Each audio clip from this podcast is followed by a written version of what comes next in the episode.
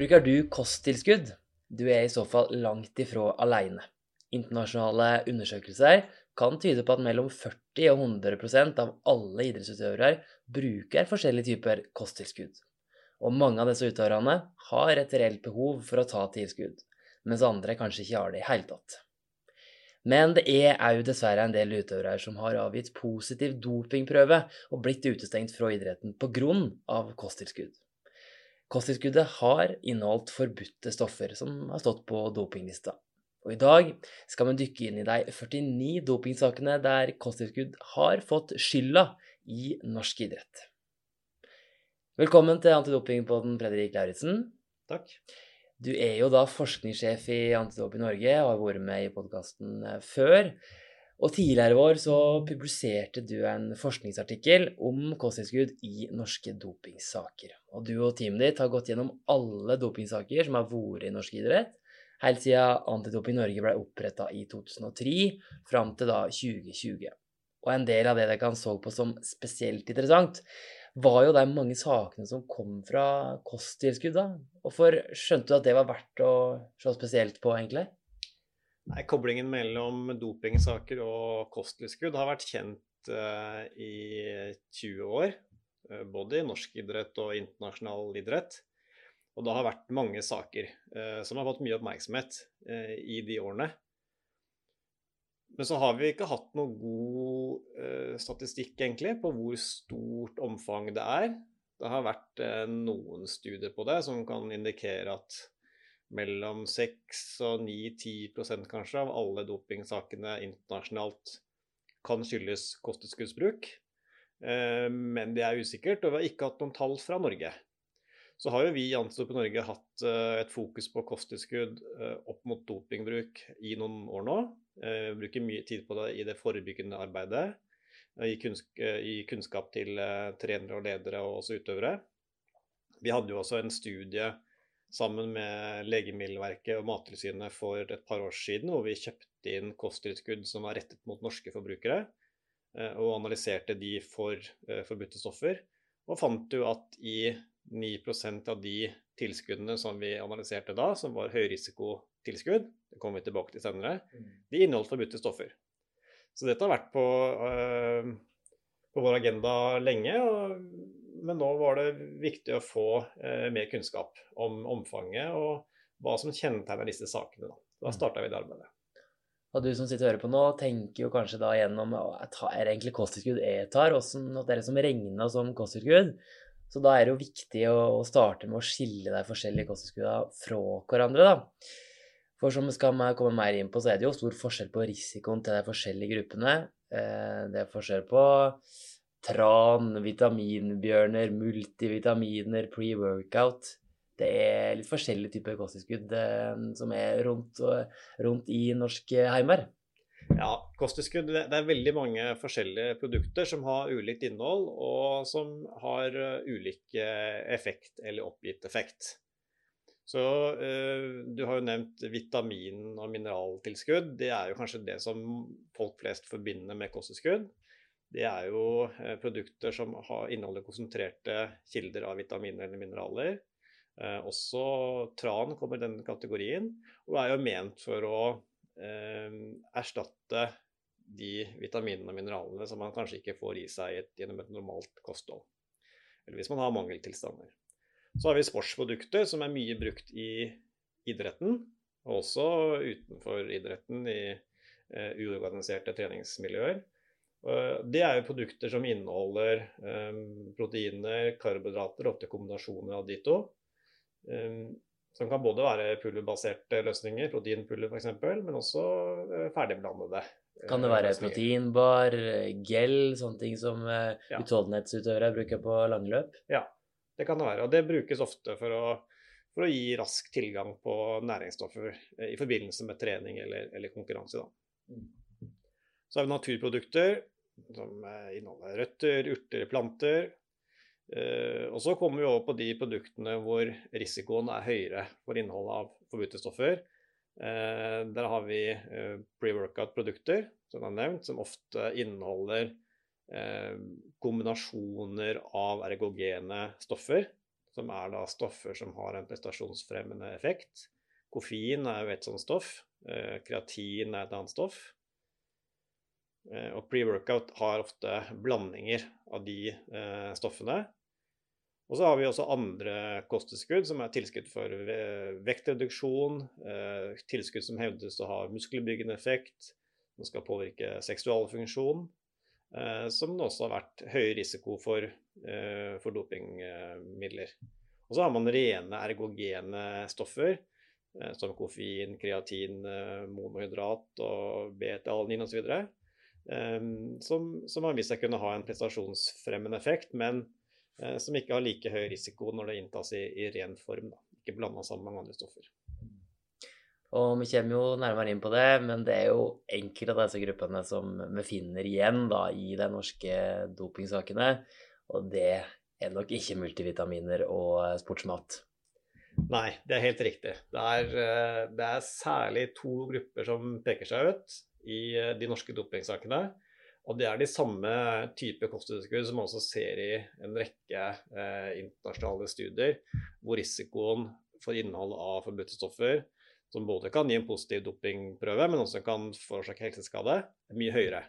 Og Det er i disse pre-workout-produktene, og det er i såkalte eh, andre kosttilskudd som hevder å ha en prestasjonsfremmende effekt. Enten som skal eh, stimulere til eh, fettforbrenning, eh, eller gi en oppkvikkende effekt, eller muskelbyggende effekt osv. Da har vi litt eh, bakgrunnskunnskap da, til å gå løs på sakene i norsk idrett, som, som dere har sett på med lim og lupe siste, siste åra.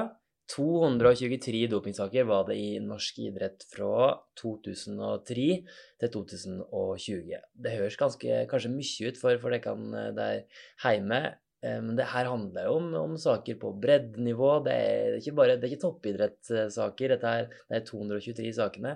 Det er absolutt ikke alle disse sakene som har stått noe i media i det hele tatt. Og i 49 av sakene så hevda utøver at det var kosttilskudd som var årsaka til den positive prøva. Stemte det i alle sakene, egentlig, Fredrik? Det er ikke alltid så lett å bevise eh, at det var kosttilskudd som, som, var kilden til det forbudte stoffet. Men i 27 av de 49 sakene så er det med rimelig sikkerhet bevist. Og det kan være at utøveren eh, f.eks. har hatt eh, rester av kosttilskuddet eh, som han eller hun brukte når han ble testa. Som har blitt sendt til analyse, så har funnet det samme forbudte stoffet i kosttilskuddet som i utøverens urinprøve. Så det kan også være kosttilskudd som har hatt som er kjent eh, for innhold av forbudte stoffer. Eh, eller annen type, eh, annen type bevis da, som utøveren har klart å, å legge frem. Og så er det jo noen saker Det er ni saker så, så, er det ikke usannsynlig at kosttilskudd uh, var årsaken. De har ikke klart å bevise det? Ikke, nei, ikke, ikke, ikke, klart å bevise det. Og så er det jo en del saker som, hvor utøveren sannsynligvis har eh, skyldt på et kosttilskudd, eh, kanskje med mål om å få en lavere straff, men hvor det ikke har vært blitt bevist. Fortell litt om forklaringene til utøverne i disse sakene. Og sier de om, om grunnen til at de tok tilskuddet, og hvordan forklarer de hele forløpet? Det varierer veldig. Mange av disse utøverne er jo eh, på litt lavere nivå, som vi skal komme litt tilbake til. Um, og kosttilskuddene har vært brukt i forbindelse med trening eh, for å få en oppkvikkende effekt. Eh, noen har fått kosttilskudd av lagkamerater eller trener. Eh, det er jo saker hvor utøver har drukket av drikkeflaske til en, en, en annen utøver på laget. Og så har det vært en pre-workout-løsning som utøveren har blanda ut, og så har man testa positivt. Noen har fått eh, produkter fra familien eller funnet det hjemme, slankepiller f.eks. Og noen har jo også brukt det for å gå ned i vekt i forbindelse med, eh, med vektklasseidrett. Og noen har brukt veldig mange forskjellige typer kosttilskudd, og egentlig hatt veldig lav bevissthet rundt risikoen. Og har jo testa positivt da for, på et av de.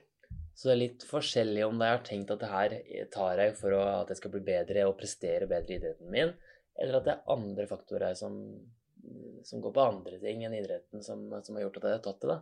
Ja, det, det er det. Men eh, disse kosttilskuddene som kobles til disse dopingsakene, det, det er eh, først og fremst eh, kosttilskudd som hevder å ha en prestasjonsfremmende effekt. Og det er nok utøverne klar over. Uh, og da kan man ta det for å selvfølgelig kunne ute bedre på trening eller i konkurranse, eller av andre grunner. Uh, men dette er jo ikke kosttilskudd som tas for å supplere et normalt kosthold, en annen type tilskudd. Så helt uskyldig er det ikke. Fortell litt mer om andre fellestrekk på disse sakene her, eller åssen det er forskjellige. Ja, det, er, det, er, veldig mange fellestrekk. Hvis vi ser på de 27 sakene, så eh, er eh, det snakk om stimulerende eh, stoffer i 24 av de sakene. Eh, og Det er jo eh, en, en, stoffgruppe som er forbudt i konkurranse. Eh, så hvis man testes i forbindelse med konkurranse og har stimulerende stoff som står på lista i kroppen, så øh, tester man positivt. Mange av de stimulerende stoffene er metylheksanamin. Det er jo et, et stimulerende stoff som øh, har vært kobla til mange dopingsaker, både i Norge og internasjonalt. Um, free workout uh, utgjør 20 av de 27 sakene, så en betydelig andel. Eh, de resterende syv er eh, muskelbyggende og slankende kosttilskudd. Så det er veldig eh, tydelige grupper av, av kosttilskudd som er brukt i disse sakene. Og så er alle produktene de er kjøpt i utlandet eller på nett.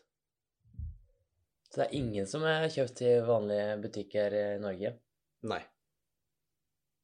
Og det forteller utøverne Når de forteller oss om de har fått tak i det, så er det type på grensa på Sverige, i Sverige, eller på nett, eller via venner eller eh, trener?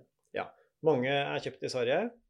Eh, det har vært en kjent utfordring lenge eh, at utøvere kjøper kosttilskudd i Sverige, for det er nok kanskje billigere og utvalget er bedre. Og så søker man bevisst kosttilskudd som skal kunne gi en prestasjonsfremmende effekt. Og så er mange, mange av de inneholdt forbudte stoffer. Og så er det noen av de som er kjøpt i USA, Canada, andre land eh, eller på nett, men ikke kjøpt fysisk i butikk i Norge. Da vet jeg nå det, at det bør være tryggere å gjøre det å kjøpe det i Norge.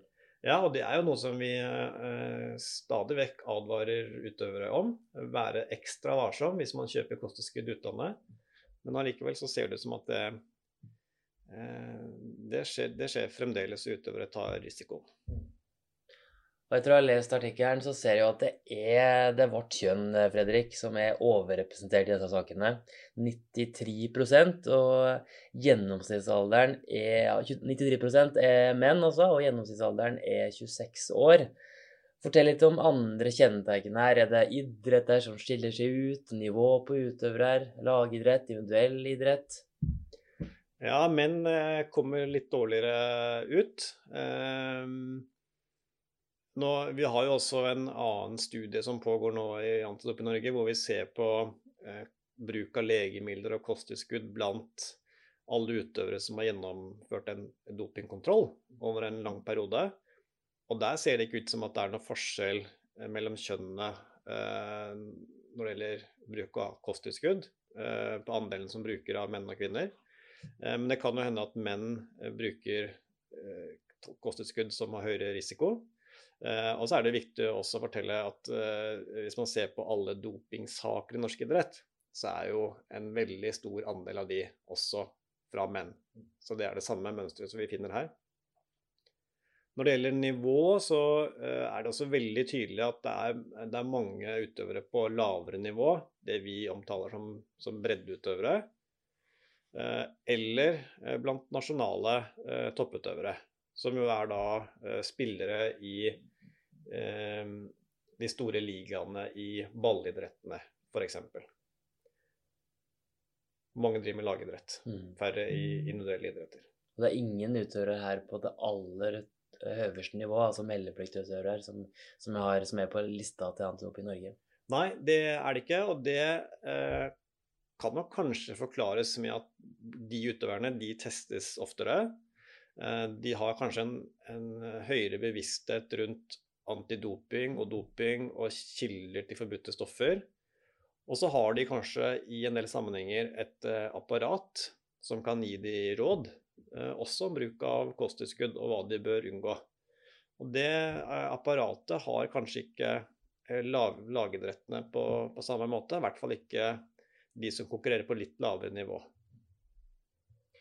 Ja, for det her er jo saker da, som vi stort sett kan kalle ubevisst doping eller utilsikta doping.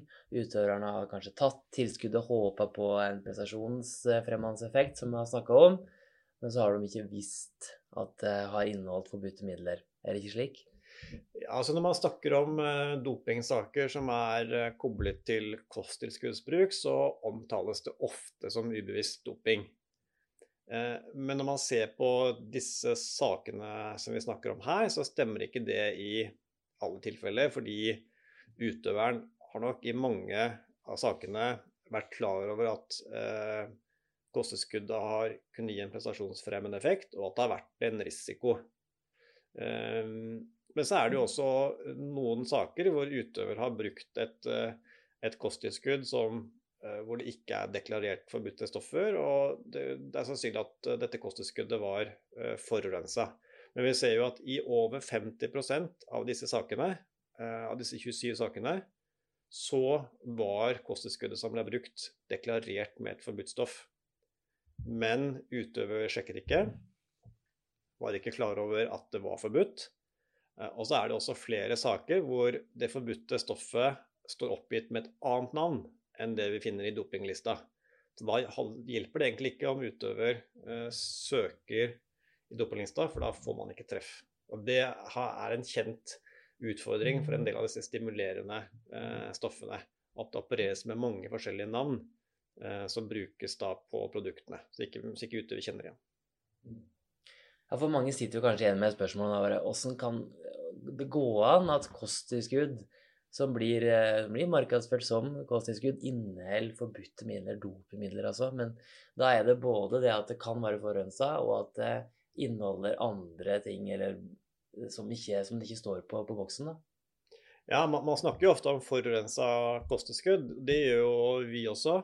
Um, og det, da har det skjedd i forbindelse med produksjonsprosessen, hvor selskapet også kanskje produserer legemidler eller andre stoffer. og så um, produserer man kosttilskudd med det samme utstyret, og så er det en, en, forurensning over. Vi vet jo også at enkelte produsenter har tilsatt forbudte stoffer for at kosttilskuddet skal kunne gi en bedre effekt, og dermed selge mer. Eh, men i mange av tilfellene her, altså litt over halvparten, så, så står kosttilskuddet oppgitt med et forbudt stoff. Eh, som ikke er ulovlig å bruke utenfor idretten, men som er, er forbudt eh, i henhold til dopinglista. Eh, og utøver vil da teste positivt hvis ikke han eller hun er oppmerksom på det. Du har vært inne på det, det at det har blitt kjøpt i utlandet eller på nett. Men hvilke andre kjennetegn har disse tilskuddene som har gitt dopingsaker? Hvordan blir det markedsført? Sånne ting. Ja, dette er jo kosttilskudd som hevder å ha en prestasjonsfremmende effekt. og Det er jo den, eh, det første røde flagget man bør se etter som utøver. Så hvis kosttilskuddet hevder å være oppkvikkende, eh, muskelbyggende, hormonregulerende, så skal man være ekstra varsom. Eh, for det er veldig få stoffer som har den effekten naturlig. Så hvis kosttilskuddet har den effekten, så er det ofte fordi det inneholder stoffer som er forbudt da, i henhold til dopinglista. Mm. Er det mulig å se noen trender i disse sakene fra da 2003 til, til 2020?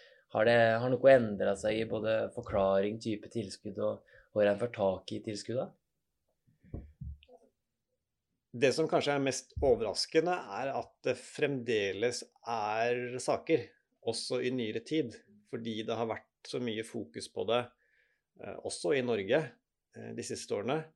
Vi hadde jo i norsk idrett noen, veldig, eh, noen saker som fikk veldig stor oppmerksomhet i, under OL i Sydney i år 2000. Og siden den gang så har jo særlig norsk toppidrett vært veldig bevisst på tematikken, og Olympiatoppen jobber jo godt med tematikken opp ut mot sine utøvere. Men så ser det ikke ut som at den informasjonen har kommet helt ned til utøvere på litt lavere nivå. Eh, og vi har noen kosttilskudd, eh, f.eks. metylhexanamin, som er nevnt, stoff, eh, produkter med det stoffet, som det var veldig mye oppmerksomhet rundt for en del år siden. Men det kommer fremdeles saker. Så det er en stor informasjonsjobb som skal gjøres. Og så kan det også tenkes at en del av disse utøverne som har testa positivt for metylhexanamin eller andre stimulerende midler, de hadde ikke forventa å bli testa. Så ble de testa eh, i forbindelse med en kamp på lavere nivå, og så tester de positivt. Selv om de var klar over at stoffet var forbudt. Alle utøvere, uansett nivå, er jo ute etter å å utvikle seg og prestere bedre og leite etter kanskje det lille ekstra som gjør at akkurat deg kan ta det neste steget. da. Uansett om du spiller andredivisjon ishockey eller kjemper om OL-medaljer. Men åssen Og da kan jo kosttilskudd eh, og det å optimalisere alt som er utafor idretten, det å ta, ete godt og ta de riktige tilskuddene Åssen råd kan, kan en gi til en, til en utøver som er ute etter å optimalisere den delen av, eh, av, livet? Jeg tror det er veldig vanskelig å gi et uh, universelt råd som gjelder alle, fordi alle er forskjellige og har ulike behov. Uh, hvis vi tenker på dopingsaker uh, isolert, så vil jo det enkleste rådet være å avstå fra å bruke kosttilskudd. Det tror vi ikke er realistisk, fordi kosttilskudd er praktisk, eller kan kanskje også gi en ørliten prestasjonsfremmende effekt i noen tilfeller. Eh, og det vil fortsette å bli brukt blant utøvere.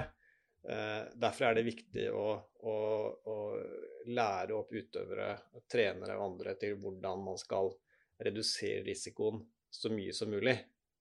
Det er helt avgjørende. Og der har jo selvfølgelig vi har en, spiller en eh, viktig rolle i det arbeidet, men også støtteapparat og andre som, som er rundt utøverne. Ja, om du som hører på er, er, trener da, eller leder i idretten, eller kanskje er utøver som har lyst til å være et godt forbilde for andre på laget, yngre utøvere i klubben, hva bør en gjøre da hvis en vet at andre tar kosttilskudd som kanskje tenderer til å være litt risiko? Hvordan bør en eh, ta opp det, hvordan bør en gå fram? Det er jo noen kosttilskuddskategorier som har såpass høy risiko at de bør man være veldig varsomme med å bruke eller unngå å bruke. Eh, og det er jo eh, disse pre-workout-produktene, og det er produkter som hevder å ha en muskelbyggende effekt, slankende effekt osv. Og, og så er det jo, ser vi jo at kosttilskudd kjøpt i utlandet eller på nett Det er ikke vanskelig å få tak i det på Finn, f.eks.? Ja, det er jo artig at du spør om det, fordi hvis man går inn på Finn, så uh, er det veldig enkelt å finne kosttilskudd uh, som helt åpenlyst har forbudte stoffer. Så der uh, er det nok noen selgere som har bestilt kosttilskudd fra utlandet som er forbudte å selge i Norge, og som selger det via Finn. Og Hvis du tar det som idrettsutøver og blir testa, så er det veldig sannsynlig at du vil teste positivt. Og så er det jo noen av disse Eh, stoffene som også kan ha en negativ helsekonsekvens. Det er også viktig å, å huske på. Og, så er det jo en del land hvor utøvere har opplevd helseplager etter bruk av disse produktene.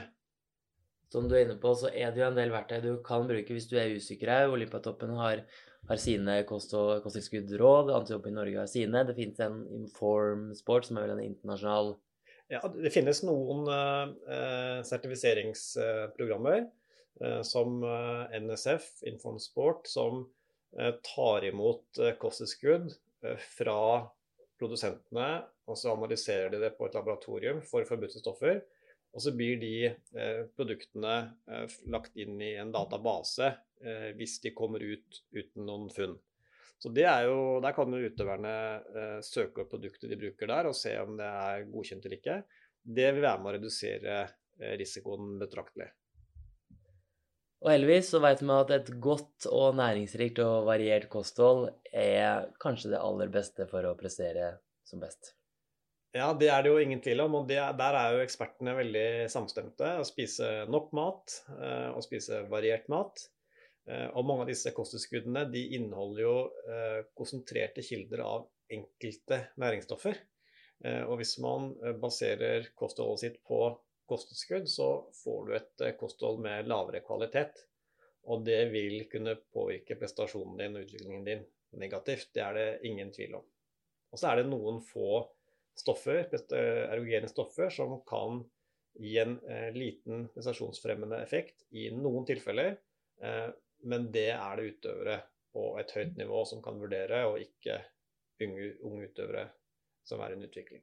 Og da skal en kanskje ha med seg en lege eller andre helsepersonell med i vurderinga, hvis han er på det nivået? Ja, da bør man søke kvalifiserte råd, vurdere effekten av tilskuddet, vurdere behovet, vurdere risiko. Det er helt uh, avgjørende.